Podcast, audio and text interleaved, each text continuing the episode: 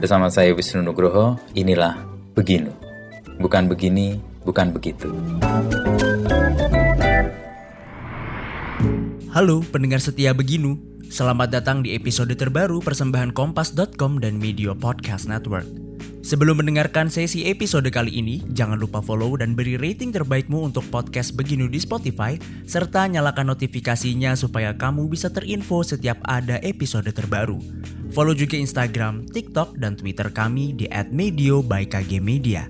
Di episode ini, kita akan menyelami kisah perjalanan Henry Manampiring, seorang penulis dan orang di balik buku Filosofi Teras. Bincang-bincang Wisnu Nugroho dengan Henry Manampiring menceritakan awal cerita di balik filosofi teras. Berawal dari penyakit depresi yang Henry derita dulu, dari situ ia menemukan filsafat stoa dan menjadi referensi utama dari buku filosofi teras. Penasaran dengan ceritanya? Yuk langsung saja kita dengarkan lebih lanjut. Hari gini masih ketipu investasi bodong, masih susah atur keuangan, investasi, klaim asuransi, dan update isu finansial? Dengerin podcast cuan, cari untung bareng teman. Persembahan Media by KG Media dan Motion FM di Spotify.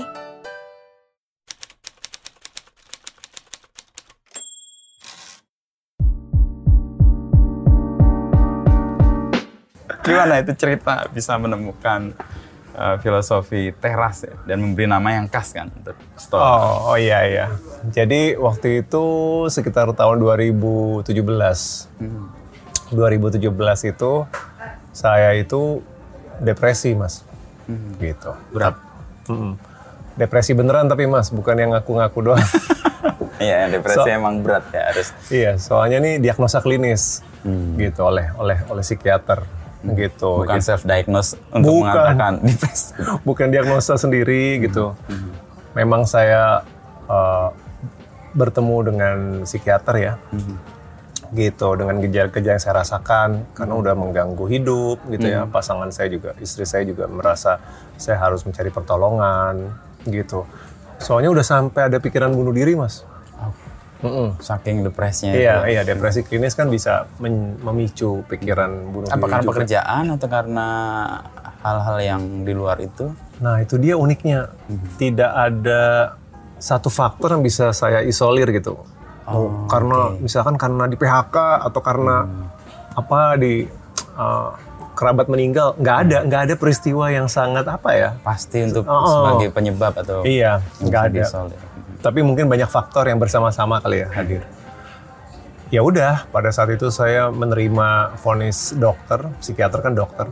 Jadi saya diterapi obat, gitu. Nah di tengah-tengah terapi obat itu, eh, saya ke toko buku, gitu ya, ke toko buku. Memang saya suka membaca. Pada waktu itu di toko buku itu di bagian eh, yang baru tiba ya, new arrival itu ada bukunya Massimo Pigliucci. Ah, Oke, disebut di buku itu juga. Judulnya How to be a Stoic. Nggak tahu kenapa waktu itu kepikiran ah saya mau baca ah, gitu. Saya nggak tahu apa-apa Tentang tentang stoicisme, nggak tahu apa-apa. Pernah dengar kata stoik.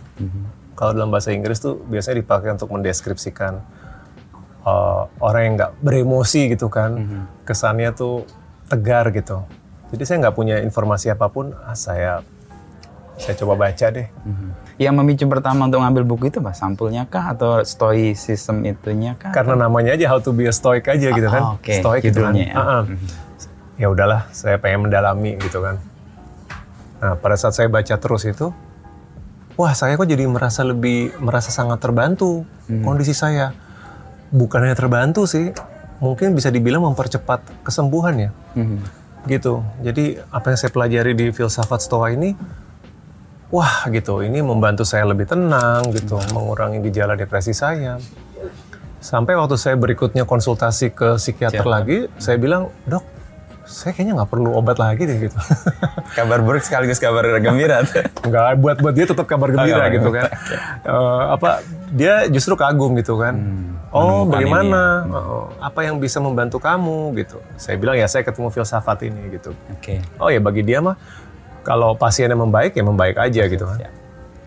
Jadi udah sampai sampai situ aja pengobatannya cepat. Saya nggak dikasih obat lagi, ya syukurlah sampai sekarang Mhm. gitu. Nah tadi pertanyaannya kenapa filosofi teras ya iya. namanya ya? Jadi eh, sesudah membaca buku itu saya merasa terbantu. Saya kepikir saya pengen cerita nih Apa yang sudah orang-orang. dialami, Mm-mm. penyembuhan yang terjadi. Iya, efeknya gitu ya. Karena menurut saya harusnya lebih banyak orang Indonesia lain yang dapat manfaat ini. mengetahui ini. Oke. Waktu itu belum ada buku-buku Stoa diterjemahkan, Mhm. gitu. Yang ada buku import, Oke. ya. Jadi saya pikir ah saya nekat aja gitu. Saya bikin buku perspektif orang Indonesia terhadap filsafat ini, Stoa, ya. Stoa ini gitu. Modal nekat aja gitu saya saya tulis aja gitu. Mhm. Nah, kenapa namanya filosofi teras? Karena em, kaum Stoa itu dulu itu pada saat berguru atau mendengarkan guru filsafatnya itu mengambil tempat di tempat namanya teras berpilar gitu. Mhm. Jadi sebuah di agora kota Athena ya namanya alun-alun. Ya, ya. Semacam alun-alun ada sebuah tempat eh, gedung, dia tuh kayak teras berpilar. Nah mereka ngumpulnya di situ. Stoa. Nah, teras berpilar itu bahasa Yunaninya stoa, poikile gitu. Jadi sebenarnya para pengikut stoa ini bisa diterjemahkan anak-anak teras ini. Jadi saya suka bilang kalau dulu kuliah nggak pernah pulang, nongkrong di teras rumah temen Ya, atau kayak di itulah kurang. atau di teras kampus, nah kamu udah jadi kaum stoa. Nah, jadi saya pikir saya terjemahkan aja lah. Untuk memudahkan juga pasti Betul. ya. Orang menangkap dan Betul. memahami pesannya ya. Betul. Jadi kalau saya tulis judul bukunya filosofi stoa, mungkin, orang ini apa gitu. Mhm. Ah, saya bilang aja filosofi teras. Tapi ada efek negatifnya, Mas. Ya, apa itu? Waktu awal baru terbit, bukunya suka nyangkut ke arsitektur. Dipikir ngomongin soal Ditaruhnya di rak desain interior. Bukan buku politik, kan pejabat teras. Bisa juga. Enggak sih, enggak nyampe sejauh itu. Tapi buku arsitektur. iya, atau buku interior desain. Mhm. Ini waktu awal-awal terbit sih. Oke. Tapi ya sekarang di tempat yang benar di pengembangan diri. Lalu ketika Mas Hendri mendapatkan pengalaman penyembuhan itu kan, lalu melihat buku ini kayaknya perlu disampaikan ke banyak orang ya. Dan di salah satu yang Mas Hendri sebut itu kan, posisi Mas Hendri waktu itu depresi terus kemudian sembuh ya, atau membaik banget lah. Betul. Titik apa yang membuat Mas Hendri ngerasa ini nih yang harus diketahui orang supaya orang nggak mengalami apa yang saya alami. Di titik pada saat saya bisa terbebas dari obat-obatan itu, gitu. Jadi obat-obatan dalam terapi psikiater itu membantu ya. Kalau bertanya kepada saya sih terbantu. membantu, ya. Iya. Dan saya pikir ada stigma yang keliru ya orang awam di Indonesia tuh jangan ke psikiater dikasih obat nanti kamu ketergantungan gitu kan. Jadi banyak mitos-mitos yang keliru yang akhirnya menghambat Penyembuhannya. uh, uh, uh, orang kita itu buat mencari pertolongan medis. Ke dokter nggak mau tapi ke dukun malah kan aneh ya. Lebih nggak bisa dipertanggungjawabkan. iya minimal dokter ada kaidah ilmunya. Nah jadi pada saat saya merasa terbebas lah ya dari beban depresi itu gitu. Karena kalau lagi depresi klinis itu semuanya kayak kelabu mas, Hmm. gitu. Kayak nggak ada semangat hidup. Masa depan itu tuh kayak gelap gitu. Nah obat-obatan itu membantu simptomnya Ah, ya. Tapi dia tidak mem, apa ya, tidak memfix underlying penyebab utamanya, Namanya, ya. gitu. Nggak Dan- intinya gitu. Iya.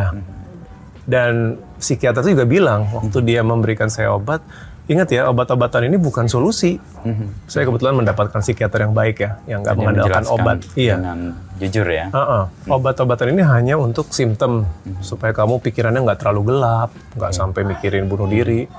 Tapi pada akhirnya kita harus memfix ada apa nih, gitu ya penyebab utamanya. Nah saya pikir filsafat Stoa waktu itu membantu di penyebab utamanya.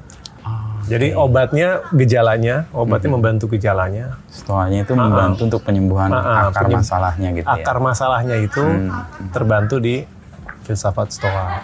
Dan dan kalau kita pelajari filsafat Stoa itu memang sangat menekankan menjaga pikiran.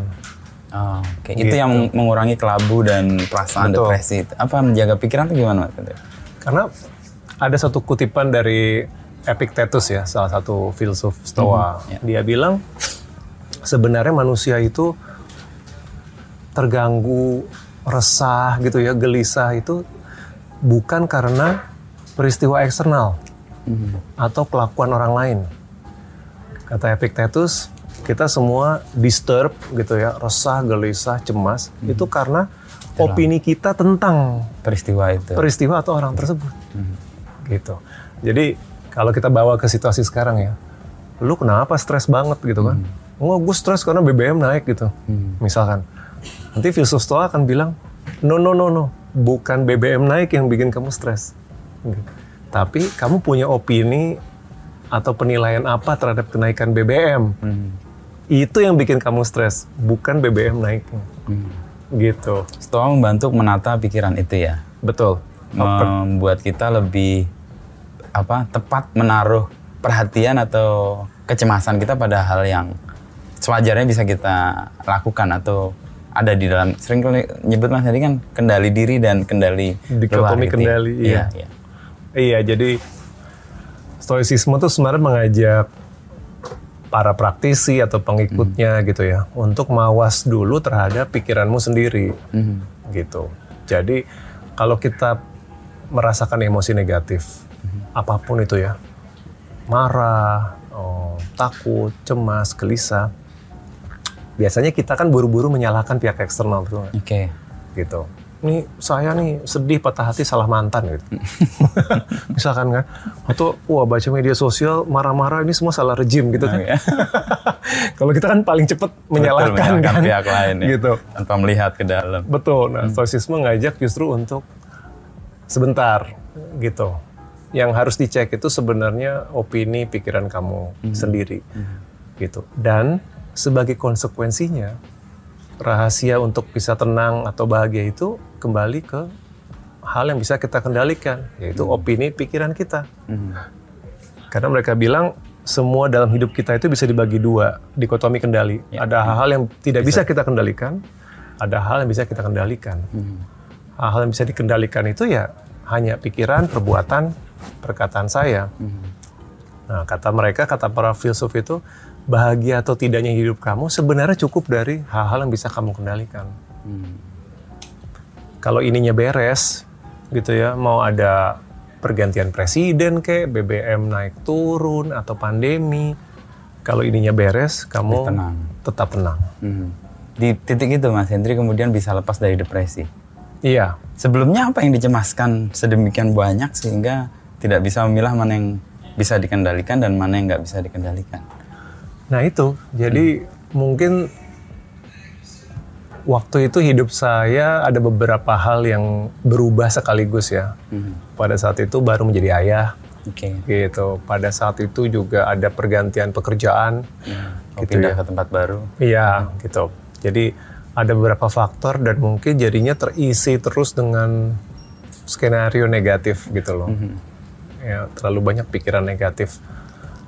Padahal kalau udah mengetahui disiplin yang diajarkan filsafat Stoa, kamu salah bener gitu, terobsesi padahal nggak bisa kamu kendalikan juga gitu. Ya kan? Apa kata orang, apa kata bos gitu kan. Nanti Komen di medsos, netizen, Iya, atau komentar netizen gitu ya, gitu. Itu kan di luar kendali, gitu. Kalau kamu pusingin hal yang luar kendali, kamu membuang-buang waktu, energi kamu gitu. Dan Udah nggak bisa, selesai juga. nggak akan selesai. Udah nggak bisa dikendaliin, kamu pusingin lagi. Kenapa nggak kamu allocate energi dan pikiran kamu di hal-hal yang memang under your control Hmm. dan itu liberating, lucu ya? Membebaskan ya. Iya. Jadi paradoksnya dari kedamaian stoa itu adalah dengan letting go of control malah lebih tenang. Karena kita sumber stres itu kan karena pandemi nih. Kapan kelar apalagi nih cacar monyet gitu kan. Gitu. Ini politisi ngomong apa lagi gitu kan. Astaga data bocor lagi. Sesuatu yang di luar kendali kita Wah, gitu semua kan. kan itu ya. iya, kalau kita pusingin terus kamu stres sendiri loh. Gitu. Let it go. Hal yang di luar kendali. Now wha- what we can do? Mendingan fokus ke situ. Itu yang tadi Mas Hendri membantu untuk melokalisir juga ya akhirnya. Kan tadi kan depresinya nggak ketahuan nih sebabnya apa. Tapi Betul. setelah belajar atau membaca buku Stoa tadi, terus ngerasa oh ada yang perlu dilokalisir nih, ada yang perlu dilepas gitu ya. Iya. Dan fokus di yang bisa dilokalisir yang dikendalikan Iya. tadi ya. Justru learning to let go Hmm. gitu. Supaya bisa fokus ke hal yang lebih bermanfaat gitu. Terus kemudian menjadikan ini buku, Mas Hendri kan sering sangat memperhatikan apa perilaku konsumen ya. Juga melihat hal yang sama di banyak orang dengan situasi kayak Iya. gini, kemudian terus bikin buku. Iya, jadi salah satu motivasi saya bikin buku ini karena saya merasa filsafat Stoa ini kayaknya relevan deh bagi banyak orang Indonesia. Ya. Dan itu saya dapat dari ya mengamati media sosial aja Iya, gitu kan. masa yang kaum kaum netizen ini kan cepat terpelatuk ya gitu. Kadang-kadang saya lihat baru hal satu pernyataan sedikit gitu ya, misalkan dipenggal gitu ya pernyataan toko, wah ya ampun, meledaknya reaksinya udah kayak apa gitu kan. Dan ini kan masa yang reaktif ini kan apa ya eh, rentan dimanipulasi ya nggak? Persis ya. Iya kan? Kalau ada tokoh-tokoh nggak bertanggung jawab tahu, wah ini Begitu gampang reaktifnya nih. orang, Eh, ya. orang Indonesia nih kayaknya gampang nih di ini dikit, Sulut sedikit, disulut sedikit kan. Lahirlah hoax, ya nggak? Hmm, Lahirlah fake news. Karena kita tidak pernah mengambil jeda, tapi langsung bereaktif Bereaksi, ya. misalkan. Nah itu sesuatu juga yang sangat diajarkan oleh filsafat Stoa gitu. Jangan terlalu cepat reaktif, jangan terlalu cepat lom, jump to conclusion, gitu. Kasih jeda, pikir, rasional. Jadi saya pikir, wah ini kayaknya lebih banyak orang Indonesia yang perlu tahu nih. Oke. Dan waktu itu nggak ngetop stoicisme 2017 itu adanya buku import kan. Ah saya modal nekat aja gitu. Yang penting saya mendapat bimbingan dari profesor ya sekolah tinggi filsafat Dri Romo Setio, Harkara, ya? Romo Setio. Saya datang ke kelasnya, saya juga pelajari buku-bukunya, baik yang buku yang sifatnya kontemporer, jadi ditulis oleh penulis sekarang, maupun buku aslinya kan udah kalau di dalam bahasa Inggris kan banyak tuh ya Iya, literatur asli stoicisme gitu. Nah saya ramu dalam konteks keindonesiaan karena yang menarik itu adalah filsafat yang sama kalau mungkin dibaca oleh orang Inggris mungkin aplikasinya beda, Beda, dengan iya. filsafat yang sama diaplikasikan di Indonesia. Indonesia karena ada faktor budaya yang berbeda. Mhm, mhm. Sebagai contoh, saya rasa di Indonesia itu kental banget kan apa kata orang gitu. Ya, ya. Sangat concern dengan Iya kan? pernyataan atau pendapat orang. Iya kan? Ya, ya. Itu kan faktor kultural yang khas. Mhm. Gitu kan. Kita sebagai masyarakat kolektif selalu berperilaku atau bertindak itu mikirin apa menyesuaikan orang. apa Iya yang kan? diinginkan orang. Gitu. Nanti tetangga bilang apa? Ya, gitu. Iya, tangga bilang apa gitu kan. Kan beda ya. Kalau kita mungkin stoicisme di orang Inggris yang lebih individualis mungkin nggak terlalu bukan Iya. itu titik masalahnya. Jadi itu yang saya angkat di buku Filosofi Teras. Hmm. Tuh, jadi perspektif orang Indonesia melihat filsafat ini seperti apa. Oke. Saya nggak pernah mengklaim buku Filosofi Teras ini sebagai referensi akademis. Saya tulis tuh di kata pengantar. Hmm. Ya, ya, di akhir baca. juga tolong jangan jadikan ini bukan buku kuliah filsafat stoa. Iya. Gitulah carilah buku yang benar. Mhm. Saya lebih suka buku ini dilihat sebagai sharing orang awam Mhm. gitu mengenai filsafat ini. Kalau tertarik lebih lanjut, carilah sumber-sumber yang lebih otoritatif lagi. Mhm. Anggap aja ini appetizer, Mas. Tapi karena based on pengalamannya Mas eh, Hendry, lalu kemudian melihat fenomena dan behavior netizen atau warga Indonesia, ini malah kayak klop ya. Dan kemudian kok dilalahnya pas pandemi. Dan ini kan kayak menjadi, saya nggak ngerasa beruntung juga mengetahui ini eh, lebih awal gitu ya, bahwa ada proses di mana kita harus merespon dengan lebih tenang, lalu memisahkan mana yang bisa kita kendalikan dan mana yang enggak, dan itu melepas begitu aja. Banyak orang di luar sana nggak mendapati itu. Dan Mas Hendri mendapati uh, buku ini dan kemudian di pandemi itu connect, kemudian meledak itu gimana lihat reaksinya? Iya, waktu saya menulis ini kan bukunya keluar Desember 2018 ya. Iya. Gitu. Desember 2018, terus 2019 makin beredar. Nggak ada tuh yang terbayang ada Mhm. ada pandemi, Pandemi, ya. kan. Gitu. Terus kita kan berita itu pandemi di Cina itu akhir 2019 ya. Ya, Desember. Desember 2019 Pasien tuh. 01 ya. Mm-mm. Gitu. Kita masih menganggap enteng kan waktu itu ada denial ya. Enggak lah gitu kan orang Kita punya jamu. Orang Indonesia ada pon-pon gitu kan. Jangan khawatir gitu. Sampai akhirnya tiba-tiba itu menerpa kita gitu ya. Dan mungkin itu salah satu penyebab apa ya? Penyebab filosofi teras jadi relevan. Mhm. Karena sebenarnya pandemi ini nih menurut saya ya mengajarkan kita itu kita sungguh nggak punya kendali pada alam. Ya, saya pikir ini mungkin pelajaran alam gitu. Iya, iya. Sebagai manusia kita dengan perkembangan teknologi kita yang sangat canggih gitu ya. Dengan sangat Mm-mm. keras itu bahwa Iya. kita nggak bisa punya kendali Iya. gitu. Kita kita sebelum pandemi kita hidup dalam ilusi men are all in control of everything ya kan. Wah, segala penemuan Dan teknologi. merasa masa depan bisa diatur segala macam. Oke. Tiba-tiba alam menampar kita dengan makhluk yang sangat kecil gitu kan. Bahkan nggak kelihatan. ya, Nggak kelihatan itu. telanjang. Iya, bisa mendisrupsi hidup kita sampai 2 tahun gitu kan. Sampai 2 tahun lebih.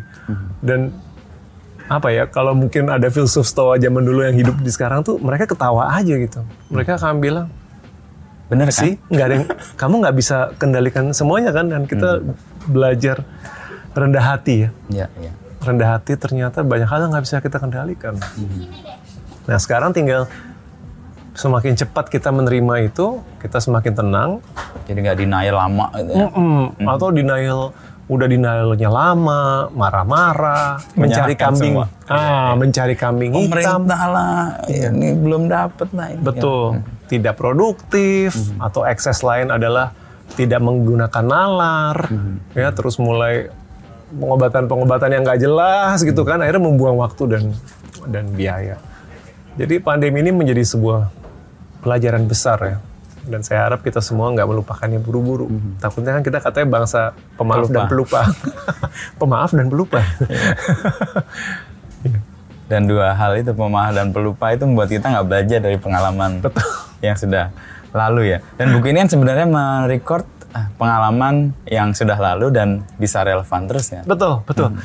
Nah ini untung Mas Wisnu menyebut ini. Jadi yang membuat saya impressed banget ya pas saya membaca teks asli ya. Oke.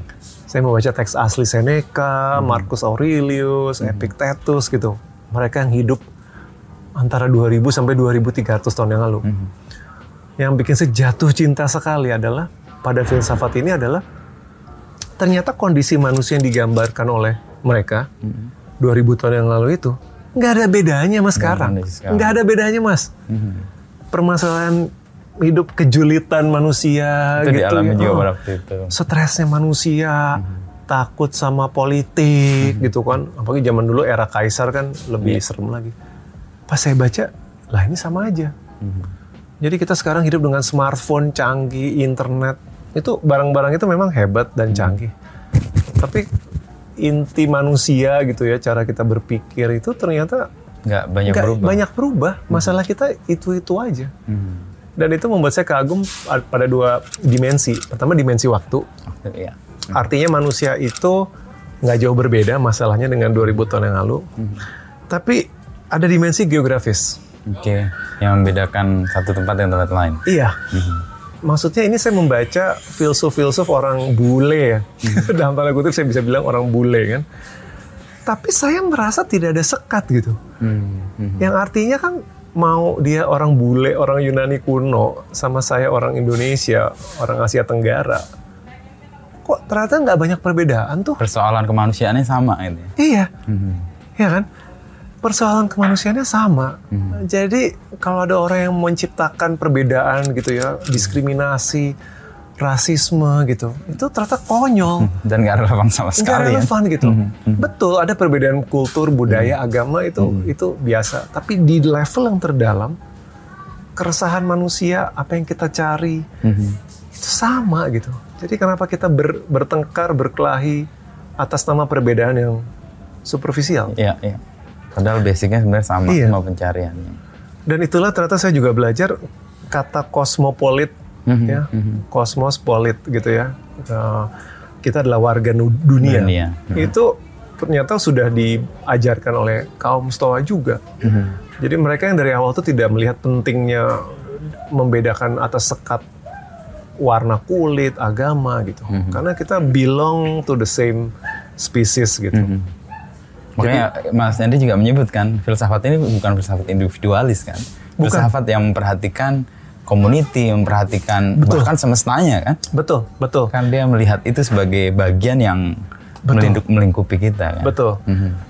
Eh, selaras ya, Ya, keselarasan berselaras dengan alam. atau ya. harmoni itu sangat ditekankan. Mhm. Jadi Marcus Aurelius bilang manusia itu tuh kayak gigi atas sama gigi bawah. Oke. Kita butuh dua-duanya kan, Mhm. tangan kiri dan tangan kanan, kaki kiri dan kaki kanan. Kita tuh harus bekerja sama, Mhm. menjaga keharmonisan itu. Dan kalau kita mulai keluar dari keharmonisan itu, yang rugi kita sendiri. Ya. Dan itu termasuk selaras dengan alam. Terima kasih telah mendengarkan podcast Beginu. Nantikan obrolan Wisnu Nugroho bersama narasumber inspiratif lainnya. Oh iya, jangan lupa juga untuk follow dan nyalakan notifikasi podcast Beginu agar tidak ketinggalan episode selanjutnya. Saya Dava Wahyu dan segenap tim Media Podcast Network pamit undur diri.